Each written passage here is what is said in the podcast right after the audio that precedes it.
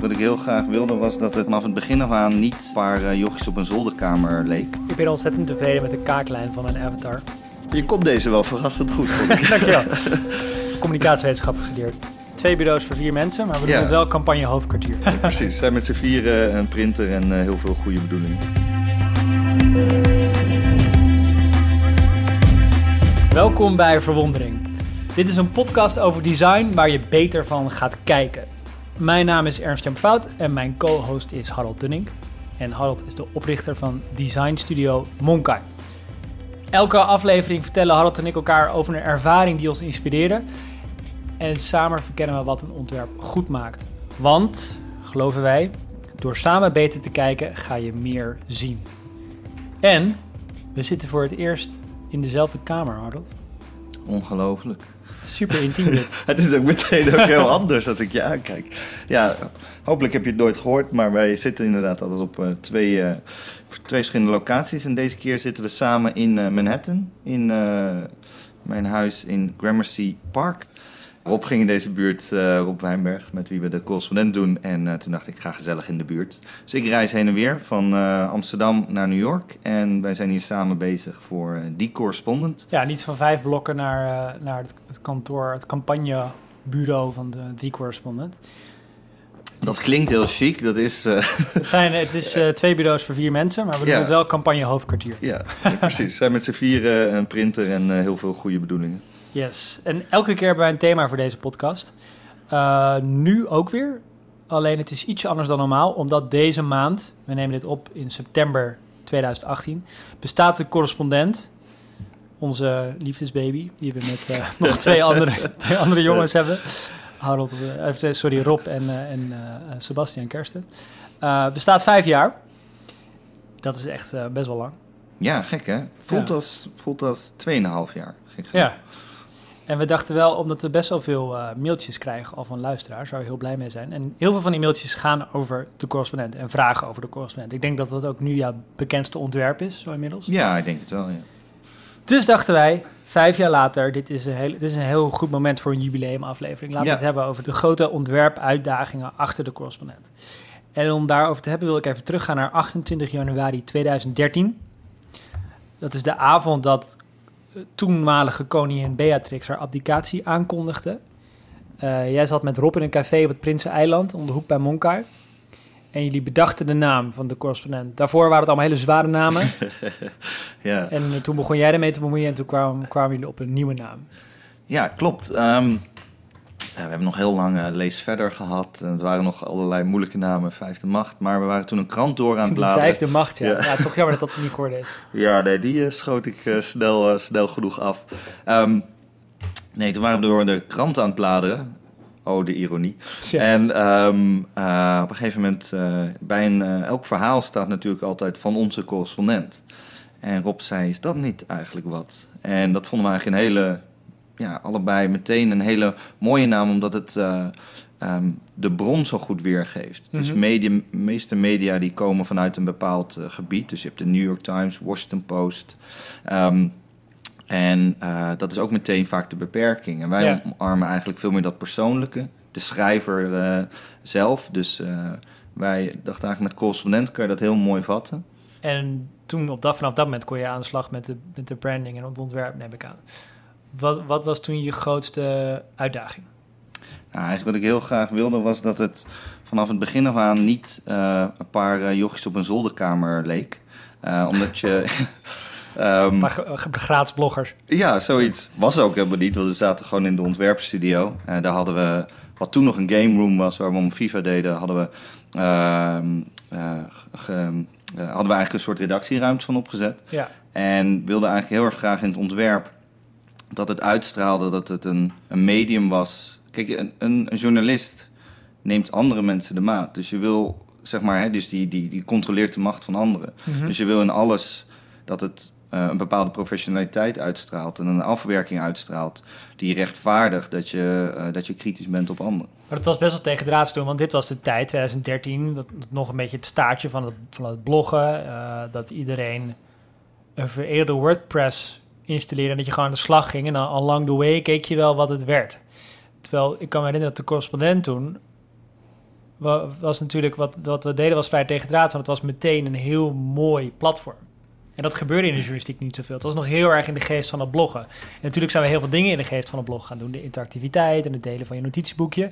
Maar niet de vormgeving die daarbij hoort. Dat is een hele andere esthetiek. Ja, eigenlijk begon het al meteen met het eh crowdfund-platform zelf. Dus die zijn we eh, zelf gaan ontwerpen en zelf gaan bouwen. Eh, en om op die manier meteen te laten zien: dit is niet een zoveelste WordPress-ding. Want waarom zou ik daar allemaal geld voor ophalen? Dit is een serieus iets. We willen echt iets gaafs neerzetten. En zoals je als schrijver eraan zou committeren, of als documentairemaker, dus alle ambassadeurs en correspondenten die met ons gingen werken. Zo zag ik dat ook vanuit mijn ontwerpberoep zeer. Dat ik dacht, ja, je moet dat eigenlijk helemaal zelf opzetten. Ja. Ehm, ook omdat je dan op die manier kan je veel meer het verhaal sturen. Dus in ons geval, een, een belangrijk detail was bijvoorbeeld dat we ontwierpen dat je het aantal mensen zag tijdens de crowdfunding. Mhm.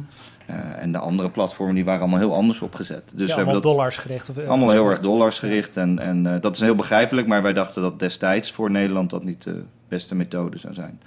En wat voor dingen deed je nog meer? Wat voor concrete dingen heb je in het ontwerp laten terugkomen om het zolderkamer-effect te vermijden?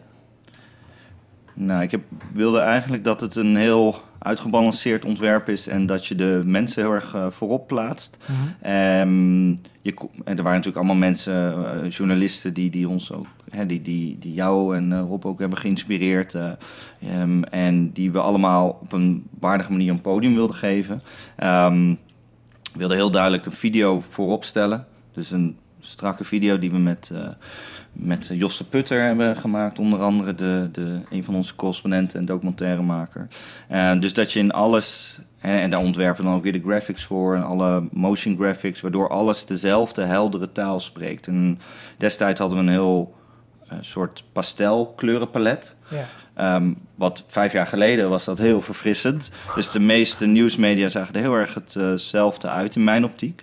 Ehm, en wat ik, waar ik dus eigenlijk naar zocht was een palet wat, wat jou in het medialandschap en op sociale media echt zou opvallen. Ja, want de meeste nieuwssites waren gewoon primaire kleuren, heel erg om je aandacht meteen vast te grijpen op een soort alarmerende manier, toch? Eh, de rode, grote rode labels van er is iets live. Ja. Of, eh, Ja, en er zat een bepaalde. Dat, dat hele persoonlijke wat we hebben. We zetten correspondenten voorop. In plaats van dat wij als een soort medium praten, als de correspondent. En dat, dat, dat uitte zich in, in allerlei verschillende facetten. Dus wat we bijvoorbeeld zijn gaan doen, is dat we al die correspondenten zijn gaan illustreren. Dus ik wilde geen foto hebben. Dat vond ik vaak te hard. mhm. Dat is een momentopname in de tijd. En ik had liever dat een illustrator, in dit geval Clea Dieudonné, heb ik dat al eens verteld? Denk ik mij nu. Denk het niet. Oké. Nee. Ehm, die ehm, Franse dame. Franse dame die eh, geen idee had wie ze allemaal tekenen. En ehm, volgens mij heb ik dit wel verteld. Ik ga dit nu heel erg eh, opzoeken in de podcast. Maar, eh, maar ik kan haar oneindig graag promoten, want ik werk heel graag met haar al vijf jaar. Zij illustreert iedereen. Oh ja, tijdlo- we hebben het hierover gehad in de, in de aflevering over tijdloos Ja, design. ja precies. Ja. Maar wat we dus ook heel graag wilden was, juist in die soort dat, dat fotografisch geweld, wat heel veel andere media deden, eh, vaak ook best wel ja, behouden beeldkeuzes, wilden we een soort illustratieve taal tegenover zetten, waardoor, het ook, waardoor je ook veel meer opvalt in een, in een tijdlijn. Dus ineens heb je hele volle kleurvlakken, heel duidelijk de mens voorop. Het voelt nooit heel erg als ego of zo, want je plaatst wel de mens centraal, maar ze zijn toch uniform gemaakt in hun illustraties, in hun kleurkeuze. Dus dan kijk je heel erg in het ontwerp naar hoe- hoe kan je dat in een eigen omgeving, namelijk het platform, laten zien. Ehm, maar hoe kan je daar ook alle vertakkingen van doen? Hoe kan je hier makkelijk snel een beeld uittrekken wat het merk ehm, ook weer in een online omgeving laat zien? Dus ineens kwam er een soort uniformiteit op je tijdlijn te Ja. ontstaan, die, ehm, die ineens het hele verhaal verbindt, ook als je het bij anderen ziet. Ja, want als je een fotoreeks had gemaakt van alle correspondenten, dan had het wel een heel bijzondere foto moeten zijn, om t- of een fotostijl moeten zijn, om, om die herkenning te creëren die je nu hebt met onze, met onze avatars. Want overal waar, waar ik die avatar als een sociaal icoontje, als een als sociaal icoontje neerzet, bij Twitter of LinkedIn of Instagram, whatever, is het meteen duidelijk, oh, hij hoort bij de correspondent. Ja. Zelfs, zelfs als je me nog niet kent, dan weet je, oh, die zal wel iets met de correspondent doen. Dus het Ja. eigenlijk zorgt ervoor dat je, wat heel logisch is in deze tijd, want als journalist ben je overal. Dus je werkt niet alleen maar op het platform waar je voor schrijft, maar ook al die andere platformen, want daar zitten je lezers en je kijkers en luisteraars. heb je ervoor gezorgd dat je ook daar, zonder dat het heel geforceerd is, eigenlijk op een heel natuurlijke manier ook het, het namens de correspondent spreekt. Ja, en dat je ook als... Nou kijk, jij, publiceert zelf ook eh, vaker op de correspondent... dat je ook eh, als, als schrijver er ook niet ongemakkelijk bij voelt, toch? Ik bedoel, ik, ik weet nog wel dat in het begin vonden mensen het nog best wel spannend... dat hun beeldenis zo groot bij het verhaal stond. En op een gegeven moment werd dat juist een teken van vertrouwen. Van oké, daar zit een bepaalde lijn in. Want ik geloof heel erg dat een eh, consequente stijl... en een consequente vorm van afwerking... ehm, schept vertrouwen in de, in de bron. Ehm, er zijn ook onderzoeken die dit staven, die, die aangeven dat het mensen daar een eenduidige stijl in zien. Dus vandaar dat we wel heel graag dingen duidelijk willen laten zien. Dit komt van de correspondent. Het is een collectief van schrijvers. Het is niet een soort één mening, maar het is wel één platform met. eh, en wat ons verbindt zijn de principes, de, de, de, de waardes die, eh, waar wij achter staan. Dus geen advertenties, al die zaken. Ja. En ehm, om dat consequent uit te ontwerpen, eh, dan krijg je het gevoel van: oké, dit is een dit is een serieus platform. eh, wat eh, transparant is over, over de, over de bedoelingen van, eh, van iedereen. Ik ben ontzettend tevreden met de kaaklijn van mijn avatar. Ja, jij bent een van de eerste. Dat eh, was het hele geslaagde. Ik heb ook nog vaker verkend om het met andere mensen te creëren. Dat blijft toch echt uitdagend. En wat, er, wat een heel belangrijk aspect daarin ook Dus is... je blijft met Clea werken. Het liefst altijd wel. Ja, ik Clea ben- ik kan de rest van haar leven leven van, van correspondent avatars. Ja, nou, nou doet zij ook fantastische, fantastische ehm, kinderboeken, eh Mhm. kinderillustratieboeken. Die, die zou ik wel even de gallery eh, erbij stoppen. Ehm dat zijn heel erg leuk om te zien. Dus zij is gewoon heel erg creatief. En dat zijn ook precies de soort makers waar ik van hou. Ja. En daarin zit eigenlijk ook iets waar ik, eh, waar ik sowieso altijd naar zoek. Wij, wij zijn zelf het eh, bewijs van. We werken nu ook alweer vijf jaar samen. Ik ken al een stuk langer. Eh, Seb- Sebastian, die een van onze kampioens, werkt al 16 jaar mee. En als ik iets ontwerp, dan probeer ik altijd meteen na te denken over ehm, hoe kan je het zo neerzetten dat we nu een taal neerzetten die op de lange termijn werkt. Ehm, want dat was een van de leukste dingen natuurlijk. Eh, enerzijds, we willen niet de jongens zijn, eh, of tenminste niet overkomen als een, een, een paar mensen eh, op een zolderkamer. Aan de andere kant moeten we wel iets helemaal vanaf, vanaf nul opbouwen. Ja. En ehm, dat, dat is natuurlijk heel erg een uit- uitdaging. En die lange termijn, in eigenlijk alle verschillende uitingen die we ontwierpen, dus van het platform, dus de, de website waar je op kijkt en zo, tot print, de boeken, tot events, in alles wil je zo, denk dat een drive is van veel ontwerpers, ehm, dat je probeert meteen na te denken hoe kan ik een systeem ontwerpen. Het wordt vaak gezien als één instantie, van oh, je hebt Mhm. hier een logo of je hebt daar een boekcover. Maar als ik, een, als ik zeg maar voor jou een boek, hè, dus in jouw geval met, met het dankboek gedaan, maar met andere schrijvers, eh bij Arjen van Velen bijvoorbeeld met Amerikanen lopen niet, dan het allereerste boek wat we ontwierpen, dan daar probeerde al meteen na te denken, oké, wat is de, wat zijn de principes waarvan wij ontwerpen voor deze boekcovers? Dus boekcovers zijn bijvoorbeeld, je ziet altijd een realistisch onderwerp. Ehm, en daar wordt een absurdistische twist aan gegeven. Dus wat dat feitelijk zegt, is eh, we veranderen je kijk op de realiteit. Je gaat op als je dit boek leest, dan ga je op een andere manier ernaar kijken. ja, dus bij onze privacy bestseller, je hebt wel te verbergen, zie je een struisvogel die zijn kop in een, volgens mij, ethernetkabel aansluiting steekt. Ja, precies. Dus je snapt Ja. meteen, oh ja, wij steken allemaal ons kop in het zand voor problemen die ons eigenlijk heel erg eh, aangaan. Ja. En wat je, die, die is bijvoorbeeld eh, geïllustreerd door Leon Posma. En die doet nu de hele lijn van alle boeken eh, op een prachtige manier. Ehm, waardoor je ook weer eh, een eenduidige stijl en een soort vertrouwen schept. Vertrouwen is eigenlijk altijd inderdaad het soort overliggende thema. Eh, En om daar dus te komen, dat is wel denk ik wel grappig, want ik denk dat veel, veel mensen ook van ontwerpers verwachten dat ze inderdaad gewoon telkens iets nieuws maken.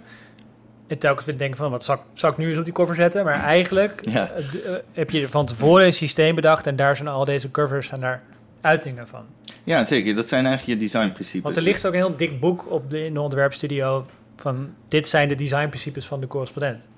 Ja, ja ik, ik denk wel dat we over jaren beter in zijn geworden om dat Mhm. meer vast te leggen. Dus als ik nu dat boek zie, dan zou ik, ben ik er waarschijnlijk kritisch op, me, op me- mezelf van vijf jaar terug.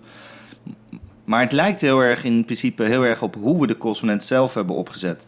Dus het allereerste wat we samen zijn gaan doen, waar ik met Rob Wijnberg ook aan heb gewerkt en, en, en wat hij geïnitieerd heeft, ehm, is het, het opschrijven van de principes van waaruit we schrijven, ondernemen als zijnde de correspondent. En als je dat eenmaal goed vastlegt, dan heb je een heel duidelijk kompas. Dus geen advertenties. Of wij hebben bijvoorbeeld een dataluw beleid. Dus we houden zo min mogelijk data voor jou eh, bij, want we hebben geen adverteerders om te serveren. Ja. Ehm, dat betekent dat je je platform best wel anders ontwerpt en anders developt.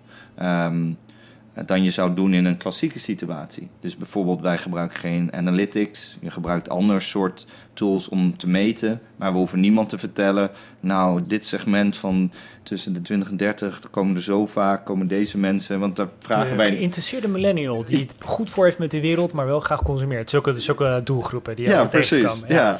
Ja. ja. dat weten we allemaal niet. Het interesseert ons ook je niet. Je komt deze wel verrassend goed, vond ik. Dankjewel communicatiewetenschap gestudeerd. Oh ja. ja. Oké, dus dit, was, dit, dit is waar je vijf jaar geleden voor stond. En heb je dat systeem neergezet en dat heeft zich wel ontwikkeld. Maar de, de basis, de principes, net zoals de principes van de correspondent en ook de designprincipes staan nog.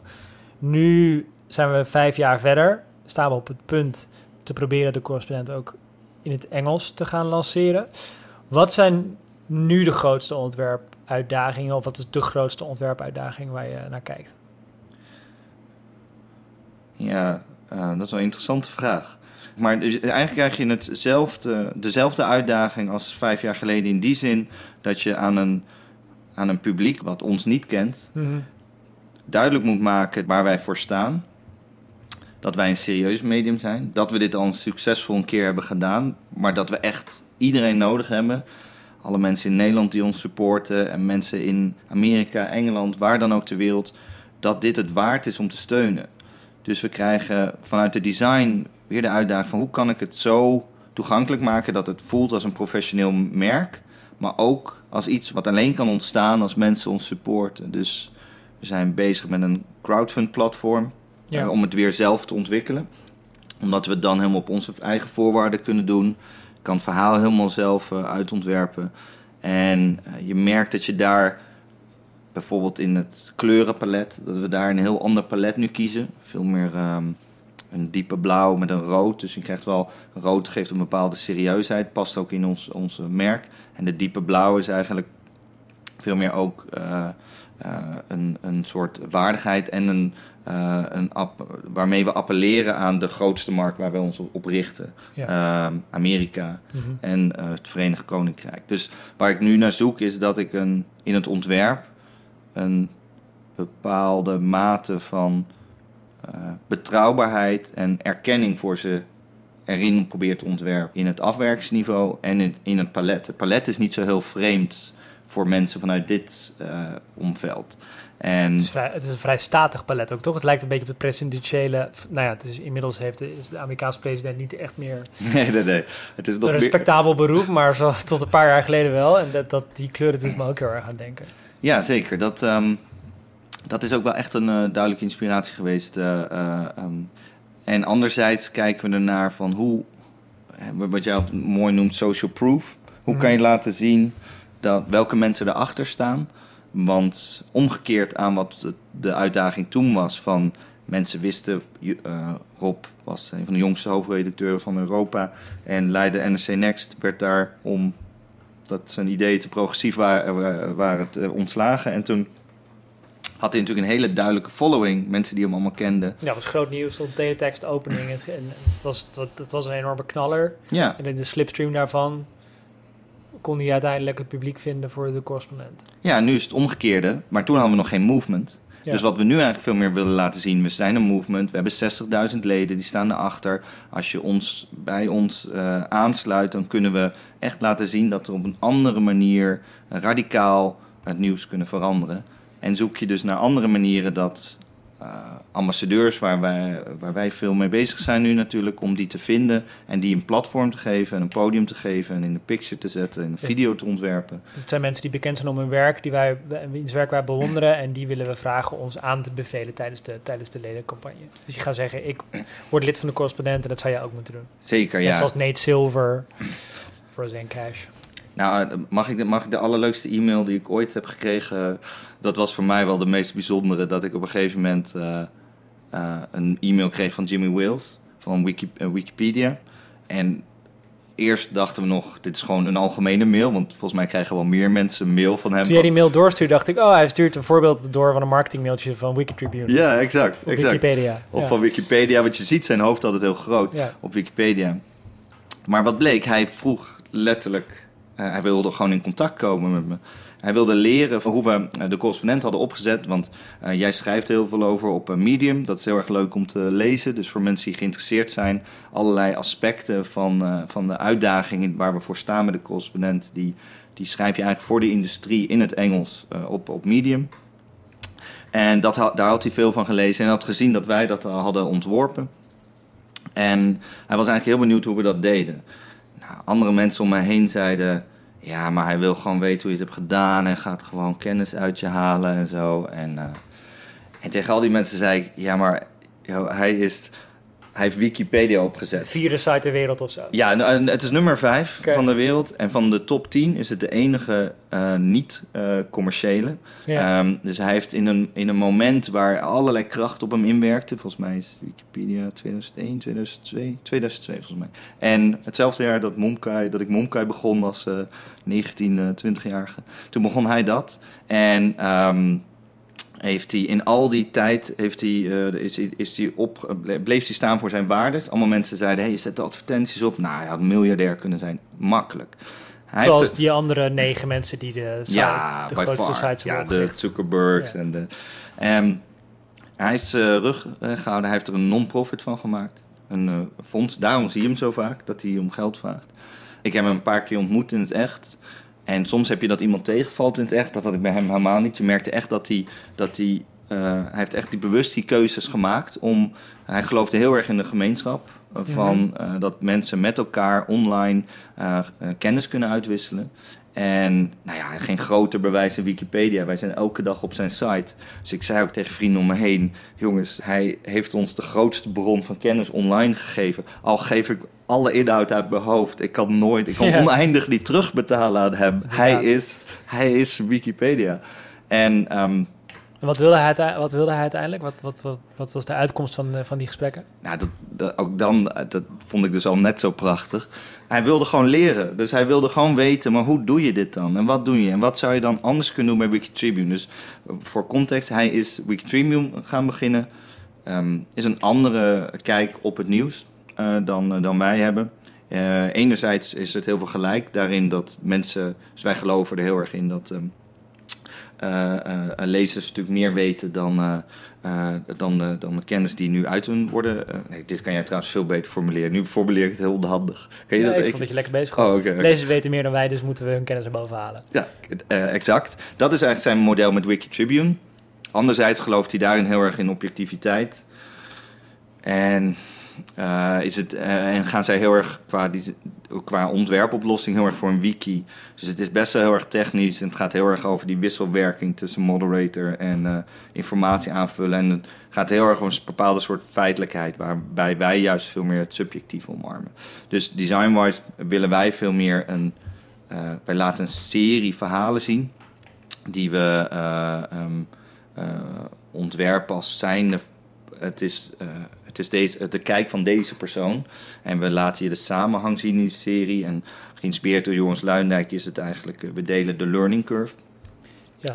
En hij heeft eigenlijk een heel ander model erin. En, ehm, maar ja, de eerste keer dat ik hem eh, on- ontmoette in het echt... was in eh, ehm, die eh, hele grote toren in Londen. Hoe heet die nou? De shard, De? Shard, ja. Ja. Ach, episch. eh, ik vind het altijd echt een soort eh, futuristisch gebouw als uit een, eh, uit een soort Blade Runner. En daar zat zijn kantoor.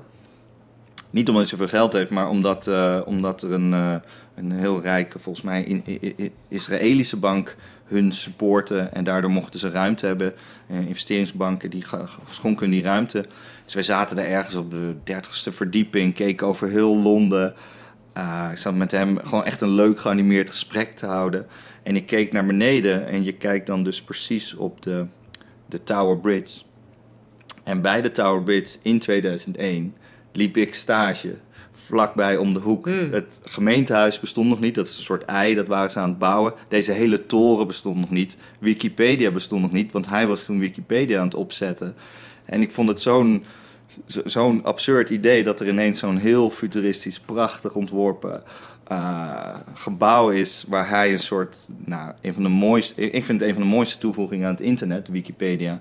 Ehm, zo'n grote encyclopedie die voor iedereen beschikbaar is, heeft hij helemaal opgebouwd. En nu mocht ik met hem praten en is hij geïnteresseerd als een gelijke. Nou, dat, is, dat is, vond ik echt prachtig. Ja, en heeft zich ook aangesloten bij onze campagne en zal met ons mee campaignen om, om de correspondent een werkelijkheid te maken. Ja, ja, zeker. Ja. Ik zal een mooie quote, eh, die kan ik nu natuurlijk niet uit mijn hoofd opzeggen, maar heeft, eh, eh, ehm, die zal ik ook wel in de, in de gallery erbij Ja, alles zetten. wat wij bespreken zetten we op monkai.com slash podcast. Van de chart tot de quote van Jimmy Wills. Tot, nou ja, het enige wat er denk ik niet op komt zijn de ontwerpen voor de internationale campagne. Want die houden we natuurlijk nog even geheim. Ja, ja, ja. Dus ik ben heel benieuwd natuurlijk wat, wat iedereen ervan vindt straks. Nu, nu normaliter zetten we alles erin. Ja, maar Ja. deze, ik vind het zelf al net zo moeilijk. Nu, ik vind het al Je heel praat over een ontwerp dat niet bestaat. Dat heb ik nog nooit horen doen. Nee, nee, nee. maar dat goed, daar is, moet je eh, misschien een eigen podcast voor hebben om dat te kunnen doen. Ja. En ehm, dus de uitdaging nu is heel erg... Niemand kent ons in de VS. Buiten de journalistieke industrie en bui- buiten het nieuwe mediawereldje zo- zoals, zoals Wikipedia. En wij moeten dus het grote publiek ervan gaan overtuigen dat wat wij doen erop gericht is om het vertrouwen tussen de journalisten en het publiek te herstellen en hen samen te laten werken en zo een dagelijks medicijn tegen de waan van de dag te laten maken. Een alternatieve beweging voor een ander soort nieuws. Ja. En dat is nu de grote designuitdaging waar je voor staat. Hoe breng je dat over? Ja, dat, ja, zeker. Dus dat is ook dat is heel erg eh, de zichtbare uitdaging naar, eh, naar buiten toe. En ehm, de andere uitdaging, en dat heb ik pas veel later in, mijn- in mijn ontwerpcarrière eigenlijk bewust van eh, geworden, ehm, is wat je een soort organizational design noemt. Dus ik heb op een gegeven moment echt geleerd, eigenlijk hetzelfde zoals je kijkt naar een ontwerp van, oké, als ik als ik een bepaalde systematiek en een bepaalde principes ontwerp, dan, dan kan je vanuit die redenatie kan je een serie maken of je kan blijven doorontwerpen. En ehm, dat doe je eigenlijk ook achter de schermen. Dus als we het als we slim nadenken over hoe ontwerp je eigenlijk een organisatie, hoe kunnen mensen goed met elkaar samenwerken, ben je eigenlijk weer een systeem aan het verzinnen. Eh, en dan ben ik stiekem eigenlijk altijd, zo kijk ik ook heel erg naar ondernemen, eigenlijk als een manier van, oké, ik wil, ik zou, het allermooiste zou ik vinden als dit langer blijft staan. Hoe kan je deze organisatie zo uitontwerpen? Ik denk dat we hiermee een thema te pakken hebben voor een volgende aflevering. Want hier, valt, hier valt heel veel over te zeggen. Ja. Wij zitten alweer aan ons half uur. Maar dit is wel echt, echt een heel interessant onderwerp om over verder te praten. Hoe ontwerp je een, een organisatie? Ja, zeker. Ja. Dat eh, ga ik graag nog een keer eh, ga ik graag meer over vertellen. Wist je trouwens dat Arnoud Kok eh, vindt dat jij een hele prettige stem hebt? Oh, nou, eh, dankjewel uh, Arnoud Ja. Kok. Hij is in eerste instantie niet erg geïnteresseerd in design. Oh, Heeft hij laten weten via een recensie op iTunes. Maar hij vindt het erg interessant en verrassend om deze kennis via twee prettige stemmen tot zich te krijgen. We hebben heel veel leuke recensies. Eh, dank daarvoor. Laat vooral weten wat je van verwondering van onze podcast vindt. Als je ideeën hebt voor een nieuw thema of tips, e-mail ons naar podcast.monkai.com. Dat komt automatisch in de inbox van Hallot en mij terecht. En alles wat we hebben besproken kun je terugzien op monkai.com slash podcast. Behalve dan de ontwerpen van The Correspondent. ja, die gaan jullie heel snel zien. ik denk ergens eind van het jaar. Cliffhanger. nou, de volgende keer... Ik weet niet hoe we de volgende keer weer bij, elkaar zitten. Ik vond het wel, eh, ik vond het wel goed werken. Ik vind het wel heel leuk, ja. Ja, is normaal geen- kijk je altijd naar botten als je... Als we, en, ik, en ik kijk je dit niets Ja, als we praten. En nu Ja. kunnen we komen elkaar gewoon aankijken. Ik Ja. het heel, eh, heel prettig. ja dit zo moeten we vaker doen. Maar ehm, ja, het is of weer in, eh, hier in eh, Manhattan of in Brooklyn. Of gewoon gezellig in de Jordaan. Yes. Tot dan. Tot dan.